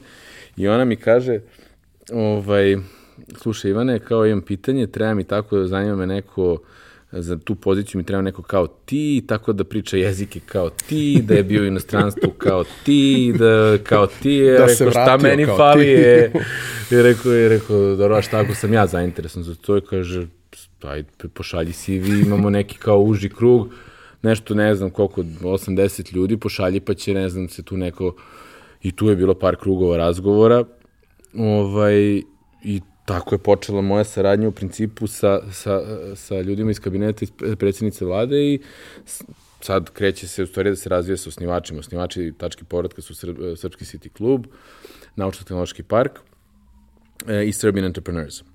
I kroz tu neku, ajde da kažem, okosnicu imamo još druge neke partnere koji su priključeni kao što je, ne znam, Vesnicarska fundacija za demokratiju, kao što je UNDP bio nekako po strani dok nije u potpunosti sada uh, baš ozbiljan partner tačke povratka e, i jer su svi prepoznali da u tom nekom prostoru postoji e, potreba za novim nekim odnosom sa našom dijasporom. Znači, i postoji, i postoji jako puno izneverenih ranijih pokušaja, postoji jako puno e, neostvarenih očekivanja. Kako se pogleda, mislim, naša istorija naše dijaspore je dosta dosta dugačka, tamo još od, da kažemo, možemo da kažemo od 50-ih, 60-ih, sa to nekom tradicionalnom gastarbajterskom dijasporom i imamo ljudi koji odlaze svake godine, govorimo o tim brojkama, da se to kreće između 30 i 60 hiljada, sad tu zavise procen, niko prave brojke zapravo ni nema, ali niko ni ne govori od ovih 15 hiljada, 15 do 20 hiljada koji se vraćaju u stvari. Tu ima, imamo i dalje, da kažemo, tu razliku, više ljudi odlazi nego što se vraća, ali opet ima taj problem da ljudi sa tom nekom, ajde da kažemo, stilom. Mi sad, da kažemo, prodila se ta potreba za nekim novim pristupom prema dijaspori i ono što mi pokušavamo je da taj prostor popunimo. Ono što čemu radimo, na primjer, u ovom trenutku jeste da radimo vodiče za povratnike, administrativni, poslovni i društveni. Da ljudi koji su 20x godina bili preko, ili 10 godina ili manje, pa mi jednostavno dobiju neki širi kontekst kako se u ovom društvu živi i radi i ponaša. E, radimo sad veliko mapiranje dijaspore, koje takođe nije rađeno godinama. Radimo da bismo saznali u stvari gde nam se nalazi nova dijaspora, e, šta su i njihove želje, koliko od njih žele da se vrati. Ako ne žele da se vrate, da li žele da nekako budu, da učestvuju u, u radu ovog društva? Da li to znači da neko ne želi, možda ima super posao na, ne znam, u Londonu ili u Cambridgeu ili u Stuttgartu, ali hoće da mesec dana godišnje volontira to je za nas jedna vrsta povratka. Mi kada kažemo povratak, povratak nije da se ljudi samo vrate u Srbiju, nego da budu aktivni deo društva odakle god da su. Tako da mi upravo na te neke različite načine klasifikujemo to. Da, bit ćemo tu za sve oni koji žele da se vrate, da kažemo, ako imaju da ono CV, da probamo negde da različitim kompanijama mi pošaljamo njihove CV, da budemo njihov helping hand u tome da im pomognemo oko toga koje su njihove poreske olakšice kao porodnici, pošto je država uradila neke stvari na tom polju. Stvarno, na nivou od marta meseca, kogod se vrati u Srbiju da je bio duže od dve godine, taj poslodavac koji zaposli tog čoveka, povratnika ili ženu, ovaj, poslodavac, uh, uh, ukoliko da platu tri puta veću od prosječne, što je na bruto iznosu, ne znam, na primjer, 217.000 dinara, um, taj poslodavac plaća samo 30% doprinosa, porezi doprinosa na Znaš, mi zanimamo predstavu, a prilično prati. Da, i to se takođe odnosi na strance, ali pre svega je bilo usmjereno na, na, povratnike. Znači, od marta meseca, pogrešan, mislim, loš je tajming Jasne. bio, korona je krenula, niko nije stigo ni da ispromoviše tu stvarno fenomenalnu meru. I to, to povratnik nosi sa sobom. Drugim rečima, ako ti mene sad zaposliš i daš mi platu tri puta veće od prosječne, ti ćeš plaćati manje doprinose za mene. Tako da sam ja tebi konkurentni. Tebi ispada u stvari jeftinije da ti da mi daš 1000 i po evra platu nego da mi daš 1200 evra platu. Neto. Ako ja odlučim da onda posle toga odem kod nekoga drugoga, ja taj postice nosim sa sobom. Znači, dve godine sam radio kod tebe, ja kada odem, ja imam tri godine još kod, ne znam, drugog poslodavca, ako mi da ICT Ukupno pet godina. Ukupno pet godina. Sjajno. Kako ti kažem, to je konkurentna stvar. Mislim, o, mi pokušavamo, ima, postoji drugi neki set mera ukoliko otvoriš startup, pa do 9 ljudi zaposliš, prvih 12 meseci ne platiš doprinose, pa je to sve pod nekim uslovima i to mi pružamo te informacije ovaj, e, našim, na, našim povratnicima i ljudima koji planiraju da presele ne, e, svoje i firme ovde i svoje lične živote. Mi smo, pa kažem, potpomogli neke procese kada ljudi dobiju investiciju negde s polja, pa hoće ovde da dođu, da postaju uglavnom neke development timove, mi im dajemo neke informacije, pokušamo, preporučimo nekoga koje, sa kim na tržištu mogu da sarađuju. Tako da to su jedne vrste povratka. Ali mi želimo i da kao da budemo partner na ovim drugim vrstama povratka kad neko hoće da kaže eto želim da pomognem oko stipendije za neku dete, želim da dam svoje znanje, želim da budem mentor nekome. Mi smo i tu i za takve stvari. Mislim, generalno imamo te servisne informacije koje pružamo sa jedne strane, a stvarno na druge strane imamo programe koje radimo, na primjer, to mapiranje dijaspore, mi mapiramo i povratnike za vreme COVID-19 krize, pri kraju istraživanja sada, da ćemo moći nekim donosiocima odluka, kažemo, od ovaj, ovog broja ispitanika, ovoliko ljudi planira da i re, reimigrira nazad. Ovi ljudi bi ostali ukoliko bi ovo.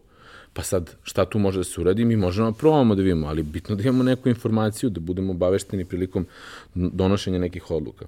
Tako da imamo sa strane tačka povratka, imate servisne informacije, s druge strane ima taj program koji je usmeren ka našoj dijaspori i, i našim ljudima. Tako da to je ono čime Generalno, mislim da je veoma značajno to da postoje nekakvi podaci, da se neko bavi time da sakuplja i sistematizuje podatke, jer u principu sve se svodi do sada najčešće na donošenje odluka na osnovu nekog osjećaja i super je to ako ti imaš dobar osjećaj, ali da. mnogo je bolje ako imaš podatke, podatke. na osnovu kojih donosiš Pa, ali ima tu i stvari koje jednostavno budeš blindside, ne vidiš te neke stvari. Evo jedan čist primjer koji je predlog koji je došao iz dijaspore, koji je poslušan, promenjen i usvojen i zapravo je mali korak koji mnogima može da znači.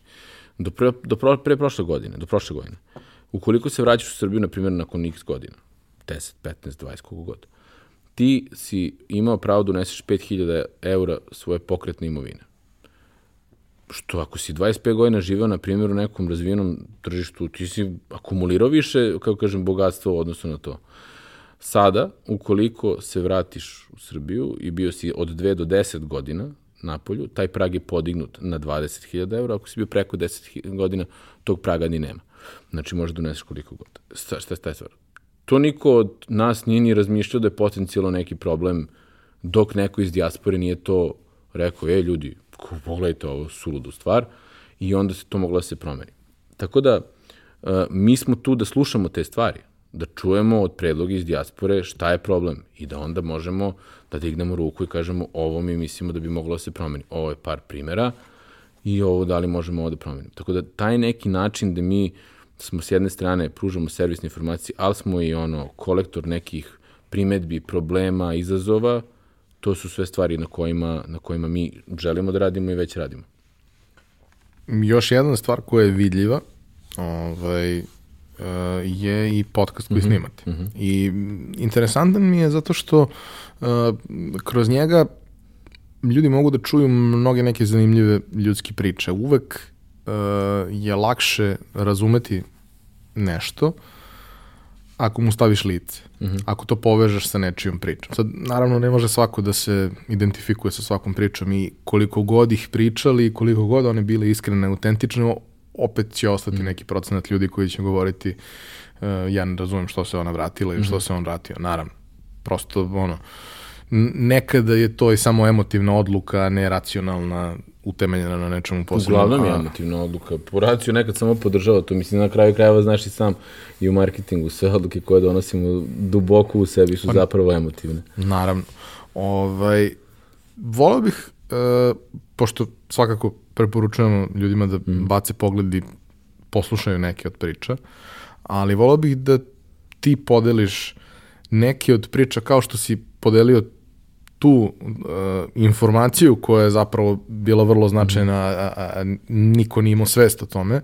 Volio bih da podeliš neki od priča uh, ljudi koji su ti posebno interesantne, koje su ti karakteristične, koje ono, mm, znaš, pričali smo o tome pre nego što ćemo početi da snimamo i kao postoji taj uh, stav da ono, ljudi idu odavde glavom bez obzira da se nikad ne vrate mm -hmm. i, to, i postoji, postoje ljudi koji idu tako. A mnogo ljudi ne ide tako. Mnogo ljudi i ide sa konkretnim ciljem da se vrati. Posle neki se predomisle, ostanu, neki se ne predomisle, nekima se ne realizuje ono što su zamislili pa se vrate, ali nije ništa ni crno ni belo, ništa mm. nije i u tome između crnog i belog se zapravo nalazi ono što je najinteresantnije. Pa znaš kako, mislim, meni je, e, ja verujem, mislim, i to smo se malo dotakli, jedan od glavnih razloga zbog čega ti vodiš ovaj podcast je zato što ti u stvari voliš da pričaš sa ljudima. I zato što tebe zanima priča i nešto što je sa druge strane. I onda i, i, i ja mogu da kažem to za sebe. Na kraju krajeva i Sofra sredom je za mene bila izgovor da bih te ljude pozvao mokrim, da bih ja s njima razgovarao. Naravno. Naš, naš podcast Tačke povratka je meni izgovor da čujem te neke povratničke priče. Meni je od tih, možda što mi se izdvajaju, uh, Evo, zadnja, poslednja epizoda koju smo snimili sa, sa Nevenom Manić, ona baš priča o tome kako uvek odlazila da, i znala uvek da će se vraćati. To su recimo upravo ti primeri da i ona i, i, i, i tada rekla pre samo snimanja podcasta, ona želi sad u razgovoru i samom da, da dobije svo to vreme, da u stvari i samoj sebi i drugima nekako objasni zašto se vratila, jer i ona se susreće sa tim problemom da, da niko ne razume zbog toga. S druge strane imamo ne, na svetu Kostića koji je ono jedan od sigurno najboljih poreskih stručnjaka, ne samo kod nas, sigurno kod nas, ali i po školama koje je završio i šta je zapravo postigao jedan od globalno prepoznatih, ono, bukvalno mislioca u, u, u, u domenu u domenu poreza. I kako on priča o porezima? Na taj poetičan način. Pa pritom su porezi nešto što je apsolutno najdosadnije meni na svetu. Razumljivo. Ja sam njega slušao kao da mi Šekspira, vrate, ono, recituje uh, I to je meni fantastično kako ti, a on, šta on priča i u našem podcastu, to kaže, kada bi on uspeo da svoja ludila utka u neku u ono i neki u neku u, u, kao u legislativu da zapravo njegove ideje završe u nekim zakonima i da je to nekako njegov najveći doprinos kako se on osjeća povodom toga. Meni je to recimo ostalo da sam baš onako vividno zapamtio. Pored toga ima ovaj Miroslav ko, koji je sada povratnik iz, iz Pittsburgha, izvršni direktor projekta u Vinci. Možeš poslušati taj podcast ako nisi, fenomenalan Mislim, da, da. on je neko ko je arheolog, koji je u svojoj zemlji sada dobio priliku i, i kad, kad je dobio priliku odmah se izborio za to da dobiju i grant od pola miliona dolara uh, američki da se ono ovaj, sanira neko to klizište koje je aktivno tu pored, s kojim on, s kojim on znanjem i pasijom priča o, o, o Vinči, me ne posramilo da ne znam da je tu na 20 km jedan tako, neka kažemo, ono, deo, jedan deo kolevke civilizacije tu kod, nama, kod nas u, u dvorištu, a ja ne znam za to dovoljno, svakako ne znam dovoljno. Tako da, te informacije koje saznaješ od tih ljudi koji su stvarno negde otišli po neko znanje ili neke alate i vratili se da ih ovde iskoriste je neprocenljivo. I onda ovaj, stvarno u tome, mi smo na početku našeg, ja kažemo, podcast puta, ali već se pronalaze stvarno ti dragulji e, informacija i motivacije e, za, ovaj, za ovaj posao, zato što je ono, gruling je, znaš, na početku smo stvarno i e, dijaspora je ogromna, potpuno različita i dok mi sad nađemo do tog, ne, dođemo do nekog nivoa na kojem želimo da budemo, te stvari me ono stvarno drže onako baš maksimalno motivisanim e, da za neke dobre ljude koji su završili na nekim dobrim pozicijama, nekad uz našu pomoć, nekad ne, ovaj, menjaju stvari u ovom društvu, to je stvarno najveća nagrada koju neko ko se bavi poslom kojim se ja trenutno bavim može da ima. Znaš da je meni fascinantno i možda najveća vrednost koju, koju dobiješ iz tako nečega? Opet, uvek imamo taj problem s identifikacijom. Mm -hmm. I meni je jasno da i sa gomilom mojih gostiju ne mogu svi da se identifikuju. Mm -hmm. Znaš, kao ne možeš da se identifikuješ sa Lazarom Džamićem zato što ne možeš da se identifikuješ sa Ivom Andrićem. Ne možeš mm -hmm. da se identifikuješ sa nekim ko je jednostavno Staj, koje bez obzira prošao, što je da. down to earth maksimalno ja kad bih mogao pet minuta da razmišljam na način na Da. koji on razmišlja, ja bih dobio Nobela ili Da, Pulitzera da. ili nešto slično. A okej, to je razvojna stvar i možda nekad i dođemo do, do tako nečega, ali ne mogu svi da se identifikuju sa tim. To je u Mhm. redu. Ali moraš da imaš i takve primere, moraš da imaš i primere ljudi sa kojima apsolutno mogu da se identifikuju i da negde imaš presek toga svega. Ali najveća vrednost, da se vratim na, na pojentu od koga sam otišao, najveća vrednost je što imaš te neke ljude koji su potpuno briljantni, koji mogu da biraju gde će da žive i biraju da žive ovde. Ba da. Šta je razlog iza toga? E, ti razlozi bi trebali da budu ono, motivacija svakome od nas da se potrudi da sebi izgradi nešto gde god želi, ali, znaš, kao, Ja, ja sam devet i po godina bio na polju. Ja nekako, ono šta je meni uvek, kažem, nedostajalo, znaš, ti prilike na polju, naravno da može i više da se zaradi, da može drugačiji neki život da se vodi i to, ali način na koji mi komuniciramo, funkcionišemo, da ja razumem uh, kontekst, kulturni kontekst u kom se ja nalazim, je nešto što ono mene uvek hranilo. Ja mislim da, da, da znaš, to je ono, te stvari koje kada odeš odavde, pa ne možeš tačno da staviš prst šta ti nedostaje, ali znaš da ti neki ono, komad duše fali. I to je ono za čega se po meni je stvarno vredno boriti se, zato što e, ni, ja mislim da nije stvarno, deluje onako nekako, stvarno, i pogotovo kad čitaš medije i kada, ono, kada je ta neka, neki negativni narativ, ovi odlaze i stvarno, ne može se reći da ljudi ne odlaze, ali ja mislim da je samo pitanje neko dugoročne strategije, neke povolj, povoljne situacije i jednog nekog globalnog konteksta da taj trend može, ako ne da se u potpunosti obrne, da može jednostavno dođe do nekog balansa. I da zato mi konstantno govorimo o toj cirkularnoj migraciji, zato što po meni potpuno treba da bude normalno da se ode odavde, da se vrati, da se ode, da, jer niko ne pita nekog Nemca zašto je otišao u, u, ono, ne, ovaj, Španiju ili u, u Britaniju u savršavanje, pa za, nikoga ne pita ni zašto se vratio. Nego jednostavno treba da radimo na tome da je potpuno normalno da odete na dve godine, da se na, vratite na sedam, pa da odete na tri. To je, jer ja sam, ne znam, barem to je neko i moje ubeđenje, a i mislim da bi, da bi jednostavno zdravije naše društvo bilo kada bi ti odlasci i povraci bili jedna stvar modernog doba kao što svuda drugde jeste. I mi onda na tome pokušavamo da radimo, jer ovde kada se odlazi, ima ljudi osjećaj kao da se odlazi za, za stalno. Pa što to mora tako? Kad, kada je objektivno, dobar deo ljudi se i na kraju i vrati u, ne, u, nekom, u nekom formatu. Šta, ja često, ovaj, a to većina mojih prijatelja i zna, ovaj, ja često pričam o tome kako sad imam 35 godina i radim već 20 i ja bih penziju. Znaš, mnogo, mnogo bih volao da idem u penziju. Mm. Ali to naravno neće da se desi bar još jedno 30 mm. godina. Ali ja bih mnogo volao da idem u penziju. I svi su u fazonu kao znam te ceo život i kao ti ne želiš da ideš u penziju. Ti ne možeš da ne radiš. Prvo, ne mogu da ne radim i ne želim da ne radim. Da. Ja samo želim da ne moram. Da, da. E, mislim da je to taj, mm, deluje kao fina razlika, nije uopšte baš toliko fina, na njoj ima mnogo da se radi, da je potpuno okej da ljudi odu i da je isto tako okej da se ljudi vrate. Kod nas je postalo okej da ljudi odu, ali još uvek nije razumljivo da se ljudi vrate. Ali samo kad bi mogli da isključimo donekle i ublažimo tu komponentu ljudi koji procene da moraju. Moranje je, Pa moranje nosi gorčinu, moranje nosi težinu. Evo, evo da povežem baš eto, kao što si rekao, ovaj, neki primjeri iz podcasta, imaš tu kada Sveta kaže, Sveta Kostić kaže šta je u stvari problem kod našeg dijaloga. Problem je u tome što sa jedne strane dobijaš e, poruke kako je ovde apsolutna kataklizma svega, što apsolutno nije tačno.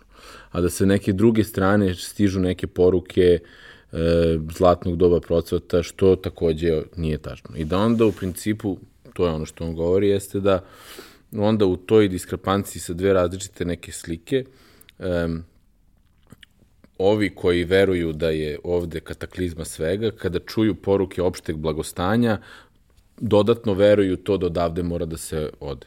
A kada bismo imali neki malo realniji diskurs o tome kako izgleda život i preko i ovde i šta može da se uradi, tada bismo došli do, ovaj, do nekog realnijeg stanja. U stvari, to je, tako da je to cela, među ostalog, i ideja i za, i za podcasta jeste da se malo priča o tim životima i preko i povratku, jer nije problem ni otići, ne treba je problem ni vratiti se, nego problem je da barem budemo iskreni o tome šta to sve povlači sa sobom, pa neka svako bira svoj put i neka svako bude slobodan u tome da bira svoj put, bez da se osjeća da jedno mora, kao što ti kažeš, ili da ako se vraća, da će dobiti neku vrstu osude kao da je neki uglavnom gubitnik ili da negde se nije snašao ili da negde nije pronašao svoje mesto pod suncem preko, pa se ovde vraća pokunjen, što u velikom broju e, slučajeva to nije tako. Ljudi se vraćaju zato što im nešto nedostaje, zato što neki deo sebe hoće da popune, da vrate. Ovaj, neki se vrate i zato što nisu uspeli, ali to je okej. Okay. No, mislim, svi se vrate zato što mm. mogu da. i zato što imaju gde. Da. A sve ostalo je negde lična stvar u koju kod nas ljudi vole da ulaze, a možda, znaš, možda ovaj, kao što Lazari piše u čaju od šljiva, možda u nekim situacijama nije baš pristojno mm. ulaziti u te stvari. Ti kad si odavde nemaš osjećaj o tome, ali kad odeš da. u Englesku i krene ta priča kako su Englezi hladni, nisu hladni, samo su drugačiji mm. i imaju drugačiji odnos prema tim nekim privatnim stvarima. Ovde je potpuno normalno da budeš direktan oko stvari koje nisu tvoja stvar. Na da, možda da. nisu pristojne, da. Da. Ovaj, Hvala ti puno. Hvala te. A, hvala na, na sjajnim pričama koje delite, nastavite to da radite. A, verujem da ćemo na taj način da, da stvorimo malo jasniju svest ljudi kako stvari funkcionišu u, u napolju. Znaš, i mi smo, nemamo mnogo epizoda sa, sa ljudima, nemamo, skoro uopšte nemamo povratnika, mm -hmm. ali imamo ljudi koji žive neki aktivan život između neke mm -hmm. nove lokacije na kojima je posao, ali su dolaze, ono, makar par puta godišnje, imali smo, da kažemo, dosta takvih ljudi. I jedna od najbitnijih stvari, srećom, to su sve vanserijski ljudi. Mm. Ali jedna od najbitnijih stvari koje, koje ja volim da oni podele, zato sam i tebe toliko pitao za, za, za Švajcarsku i mm. za mhm. London i za sve, kako je tamo? Kako je stvarno tamo? Zato što ljudi misle da, ono, padaju mm. pečeni pilići ako da. izađeš iz Srbije. I kad im objasniš da, da ne znam, znaš kao, joj, brate, doprinoći su ovde mnogo visoki. Nisu, isti su manje više kao svuda. Da. To što ti imaš problem, zato što si navikao da ih ne plaćaš, to je loša navika, nije, da. nije to problem sistema.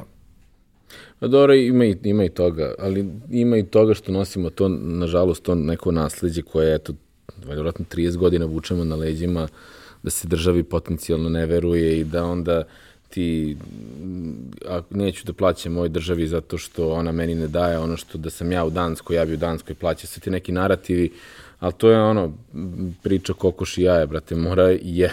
Tako je. mora da krene od nekuda da se razmotava, tako da... Znaš, kako očekuješ da se porez troši mm. na adekvatan način ako ga ne plaćaš. Ako ga ne plaćaš. Tako. Pa ne, ali prvo neko oni krenu. Pa ne funkcioniše tako. Mm. Možemo da se složimo da se ne troši na idealan način. Ne. Apsolutno.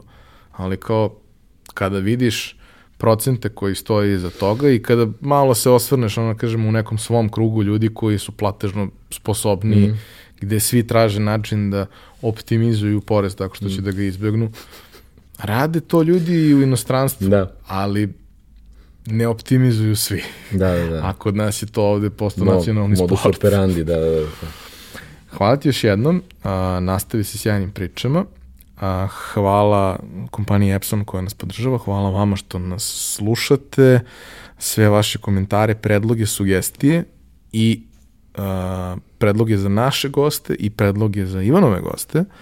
Ovaj, ostavite u komentarima na, na društvenim mrežama i na YouTube-u, mi ćemo to da ispratimo, ja ću mu proslediti sve što bude bilo od, od ovaj, vaših predloga i jedva čekamo da, da čujemo uh, još neke ove, interesantne priče. Čujemo se i vidimo sledeće nedelje.